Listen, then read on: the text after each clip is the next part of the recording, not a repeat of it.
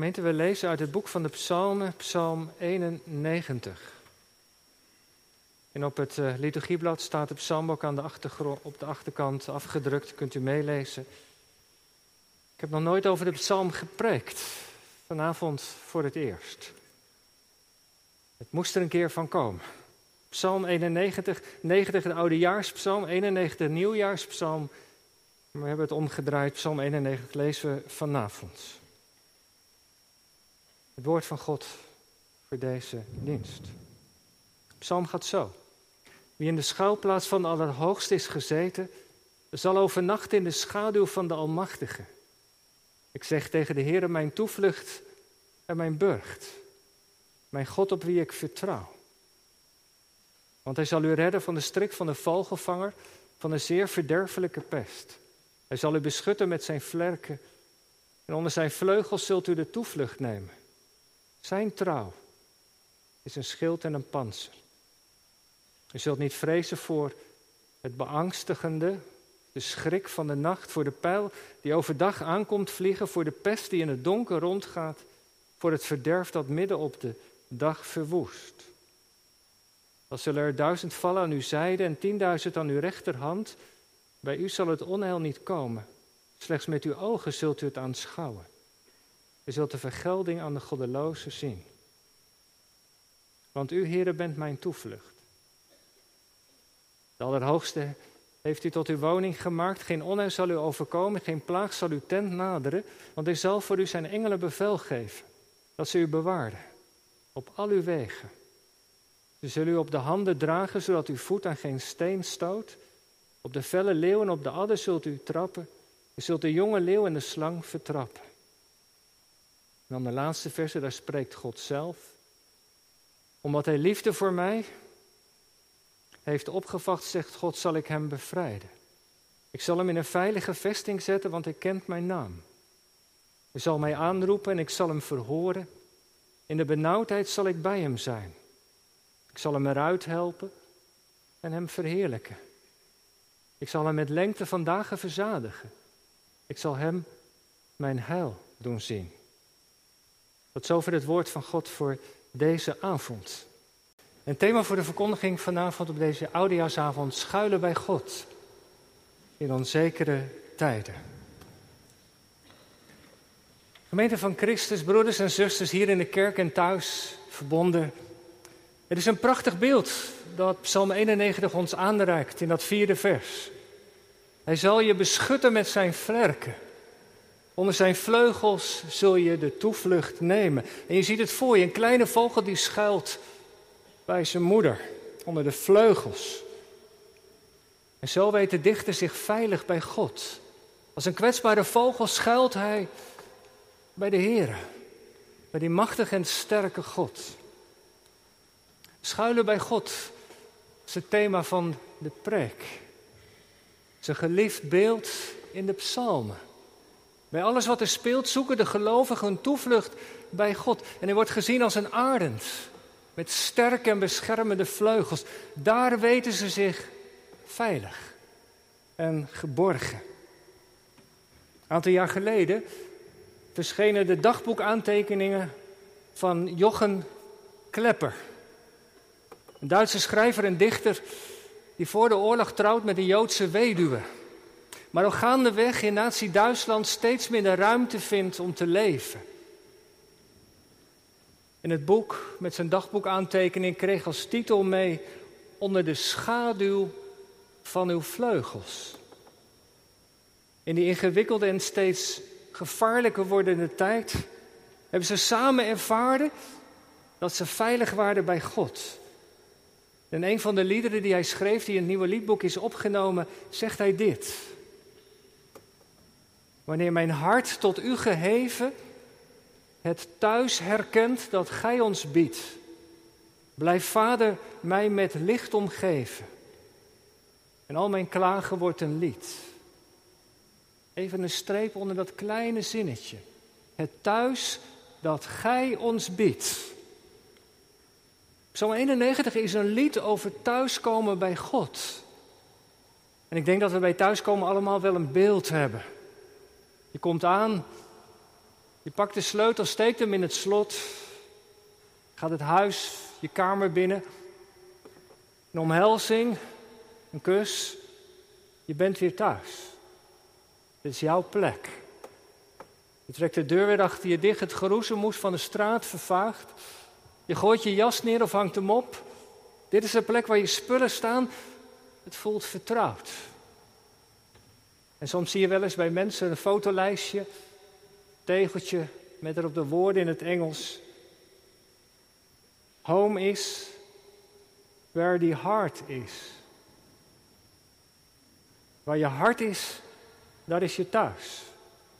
Ik denk dat de dichter van de psalm het iets anders zou zeggen. Waar God is, is mijn thuis. Hij mag de nacht doorbrengen in het heiligdom van God. In de aanwezigheid van de Allerhoogste God. Daar weet hij zich veilig, daar mag hij schuilen. Voor het donker van de nacht. En de mens over wie het gaat in dit lied is waarschijnlijk iemand die bezorgd is. Hij is bang. Zo blijkt uit de woorden die hem worden toegesproken. Je hoeft niet te vrezen voor de angst, voor de schrik van de nacht. Horen we iemand tegen hem zeggen. Priester of profeet. Liep hij gevaar? Zou kunnen. Maakte mensen hem het leven onmogelijk of haar? Hield hij het thuis niet langer meer vol? Worstelde hij misschien met de demonen van zijn verleden? In ieder geval heeft hij het heiligdom opgezocht. De plek waar de schepper van hemel en aarde zijn woning heeft. Mag ik hier schuilen? Mag ik hier de nacht doorbrengen? Ik zoek asiel. Dat was wat de Colombianen een week geleden tegen mij vertelden. Ze waren het land en de bedreiging van Colombia ontvlucht. En ze zochten asiel in Nederland. Ik was gevraagd om te tolken. Ze waren die ochtend vroeg opgewekt in, in Groningen, vertelden ze. Ze zouden naar een andere locatie gaan. Ze waren de laatste in de rij. Iedereen in de bus naar een opvangcentrum. Maar tot een grote verrassing, tegen alle verwachting in, werden ze niet naar een opvangcentrum gebracht, noodlocatie hier in Gouda. In de Vesten. Een gezin met twee kinderen met tranen in ogen vertelde ze dat God hun gebed had verhoord. Ze wilden zo graag samen zijn. En nog wel in een kerk. In de schuilplaats van God, de Allerhoogste. Welkom in Gods huis. Psalm 91 gaat over mensen die op zoek zijn naar God. En er zijn in hun leven vermoedelijk allerlei dingen gebeurd. Je zou kunnen zeggen, er is aan een levensboom geschud. En je kent wel wat dat betekent. Als je leven in zwaar weer terecht is gekomen, als er zorgen als donkere wolken boven je leven hangen, als ziekte alle hoop je hebt ontnomen, het heengaan van een geliefde, dat conflict maar, wat maar doorsuddert, die scheiding, die woorden die gesproken zijn, die als pijlen op je hart kwamen. Bestaansonzekerheid of die verstikkende worsteling met het kwaad. Die depressie, die donkere wolk. En eigenlijk maar één verlangen. Een veilige plek, daar waar je tot rust kunt komen. Kan ik hier schuilen?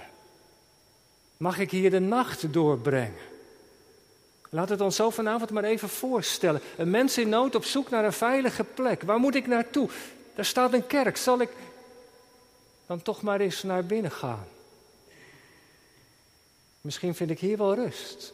Misschien is er iemand die mij verder helpt, de weg wijst. De dichter van Psalm 91 zal gedacht hebben aan een pelgrim, een asielzoeker, een mens in nood die geborgenheid, veiligheid zoekt.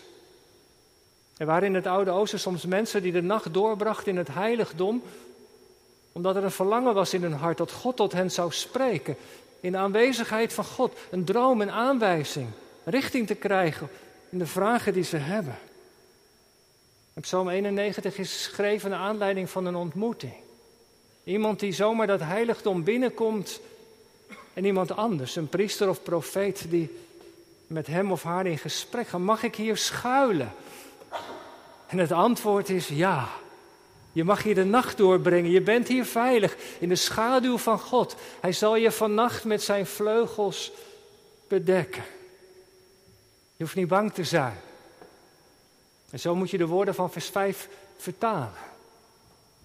Je hoeft niet bang te zijn. En in de versen 5 en 6 worden allerlei dingen genoemd waarvoor je als mens bang kunt zijn. De nacht, waarin alle zorgen worden uitvergroot. De nacht van aanvechting en geestelijke strijd, misschien herken je dat wel, dat je de slaap niet kan vatten omdat er zoveel speelt. En alles komt in alle hevigheid op je af. En het aanbreken van de morgen, daglicht, duurt zo lang. En de uren lijken wel minuten, er komt geen einde aan. De pijl van oorlog of geweld of woorden die een keer tot je zijn gesproken en die je zo hebben, ja, verwond misschien. Negatieve woorden die een leven lang met, met je meegaan toen je als kind was, wat je ouders of iemand anders op school tegen je zei. De pest als een plotselinge ziekte die, die zomaar je leven binnenvalt. Totaal onverwacht. Het verderf dat op de middag verwoest. Het leven dat ineens wordt afgebroken. De beelden van, van de versen 5 en 6 roepen allerlei levenssituaties op. En dat is nou precies ook de bedoeling. In een paar woorden wordt iets geschilderd van wat ons mensen kan benauwen. Ik heb in mijn boekenkast een boek staan over Psalm 91, vol getuigenissen. Hoe deze psalm mensen in de loop van de jaren heeft getroost. Hoe God door deze psalm heen, ook in tijden van corona, maar, maar ook wel daarbuiten, mensen heeft bemoedigd. Afgelopen week, misschien heb je hem wel gezien, een reportage van de EO over soldaten aan het front in Oekraïne. Een lege predikant die zocht ze op. Hij bad voor de soldaten, zalfde ze met olie. En even later ging de kamer een huis binnen in de regio van Bakmoed, waar twee mensen waren die ondanks de bombardementen niet waren gevlucht. En we zagen in dat huis op een tafel, er lag een open Bijbel. Een Bijbel open, u raadt het al, bij Psalm 91. En de predikant wilde in die korte ontmoeting de psalm met ze gaan lezen. Maar de man was hem al voor en hij begon de psalm uit zijn hoofd te citeren. Daar op die plek bevonden ze zich in de schuilplaats van de Allerhoogste, zochten ze bij hem een toevlucht. Ik vond het zo indrukwekkend. Ze konden niet naar de kerk, hoefde ook niet, hun huis was een kerk geworden. Home is where the heart is. Nee, home is waar God is. Je thuis is waar God is. Een kerk zou dus altijd open moeten zijn, toch? Dit gebouw is ooit gebouwd. Voor mensen onderweg, voor pelgrims en asielzoekers, voor mensen in nood, mensen die God zoeken. In het heiligdom waar de mens van Psalm 91 zijn of haar toevlucht zoekt, zijn ook andere, lopen ook andere mensen rond. Gelovigen, priester, profeet, we weten dat niet. Maar de mens in nood krijgt een hele serie beloften. De versen 1 tot en met 8 zijn vol beloften. En als je even kijkt naar de psalm vanaf vers 9, gaan de beloften over de terugkeer naar huis. Er zit een beweging in dat iemand zijn toevlucht zoekt bij de Heere God. Er wordt tot hem gesproken en dan vanaf vers 9b, dan krijgt hij belofte mee, want hij moet op een gegeven moment ook weer terug naar huis. Er zullen engelen met je meegaan. Op de weg waar je gaat, ze zullen je beschermen. Ze zullen op je handen dragen. Don't be afraid. Je staat er niet alleen voor. Ga met God. En Hij zal met je zijn. Zo wordt de mens in nood bemoedigd. En weet je, al die beloften in de psalm, die hebben eigenlijk maar één doel. En dat doel is de persoon over de streep te trekken. Hem of haar uit te nodigen om op de Heere God zijn of haar vertrouwen te stellen. God van Israël, de Almachtige, de Allerhoogste. Om daar je toevlucht bij te zoeken. En al die beloften, ze richten de blik niet op de omstandigheden, maar op God. Dat is de strekking van dit lied. Zeg niet tegen God hoe groot je problemen zijn en je zorgen. Zeg tegen je problemen en zorgen hoe groot God is. En dan, als hij dan zo geconfronteerd wordt met die belofte van God. Ja, misschien heb je dat zelf ook wel ervaren, dat doet wat met je. Die mensen in nood wordt uitgenodigd om zijn of haar leven in de handen van deze God te leggen. En die beloften trekken hem of haar over de streep. Want in vers 9, eerste zinnetje staat dan, is er als het ware die doorbraak. Het ja wordt ja, kie ja. U, Heere, bent mijn toevlucht. Klinkt als een beleidenis. Coram Deo. En je kunt geen betere stap zetten, lieve mensen, dan schuilen bij de Heere God. We overdenken deze psalm op de laatste dag van dit jaar. En de dichter van het lied zal zielsgelukkig zijn. Als we allemaal ons heil zoeken bij de Heer. Niet als een paraplu of als een vuurwerkbril, maar elke dag steeds weer opnieuw. Schuilen bij God. Wat zal dit nieuwe jaar ons brengen? We weten het niet. Zullen de plannen die we hebben in ons bedrijf gelukken, voortgang, doorgang vinden? Blijf ik mijn baan behouden? Zullen die problemen in mijn relatie eindelijk worden opgelost? Zal ik het geloof behouden in het jaar dat komt? Dat eindelijk die oorlog een keer stopt en komt er iets van vrede. Zoveel gebed moet toch wel zijn uitwerking hebben. Zal het nou eindelijk in Afrika wat beter gaan en minder vluchtelingen? Al die zorgen die er zijn over het klimaat en de andere crises. Wat is er eigenlijk veel onzekerheid? We weten natuurlijk niet wat het nieuwe jaar ons gaat brengen. Maar nu nodigt de psalm ons uit vanavond. Om met alle onzekerheid die er is of kan zijn, samen te schuilen bij God. Schuilen in de kerk, elke keer weer opnieuw of thuis. Daar waar je de naam van God aanroept, daar is Hij. Daar mag je schuilen bij God. En dan, wat levert dat op om zo te zeggen? Twee dingen wil ik tot slot nog noemen. Keer even terug naar vers 6. Kijk maar even mee. Dat zinnetje, dat het verderf dat op de middag, dat midden op de dag verwoest, dat gaat op het warmste moment van de dag, 12 uur in het oosten. Dan schijnt de zon op zijn hoogst, dan is het het allerwarmst. In de vroege kerk is dit vers met de Heer Jezus verbonden. Op het heetst van de dag namelijk, op het zesde uur, twaalf uur, is hij aan het kruis genageld. Zijn de pijlen van Satan op hem afgevuurd? Is het verderf over zijn leven gekomen? Voerde hij de strijd met de machten van het kwaad? En een bisschop in Rome, Hippolytus in het jaar 215, zegt over dit vers. Hij zegt daar, bij dat vers over dat verderf dat op de middag aanvalt, daar moet je denken aan Jezus, want daar hangt hij aan het kruis.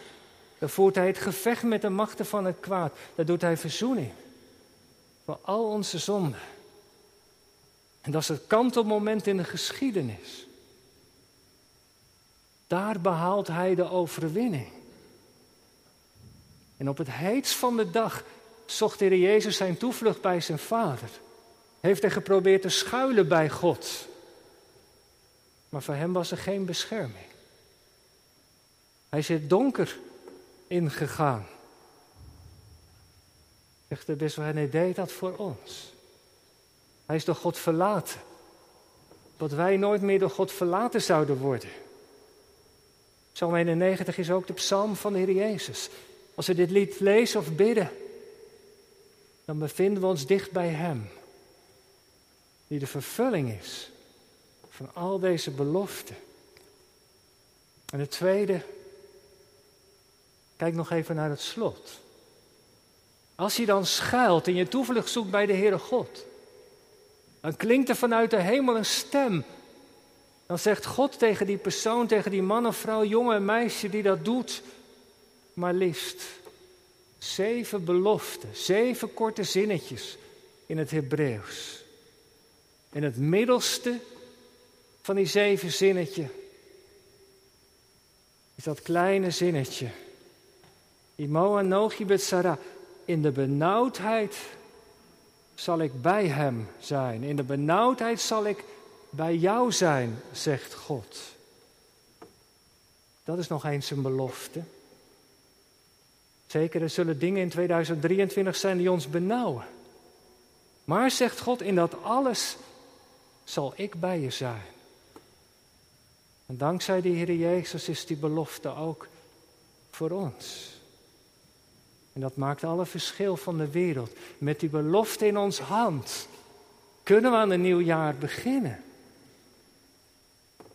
En die zeven beloften lopen uit op de zevende, het laatste zinnetje.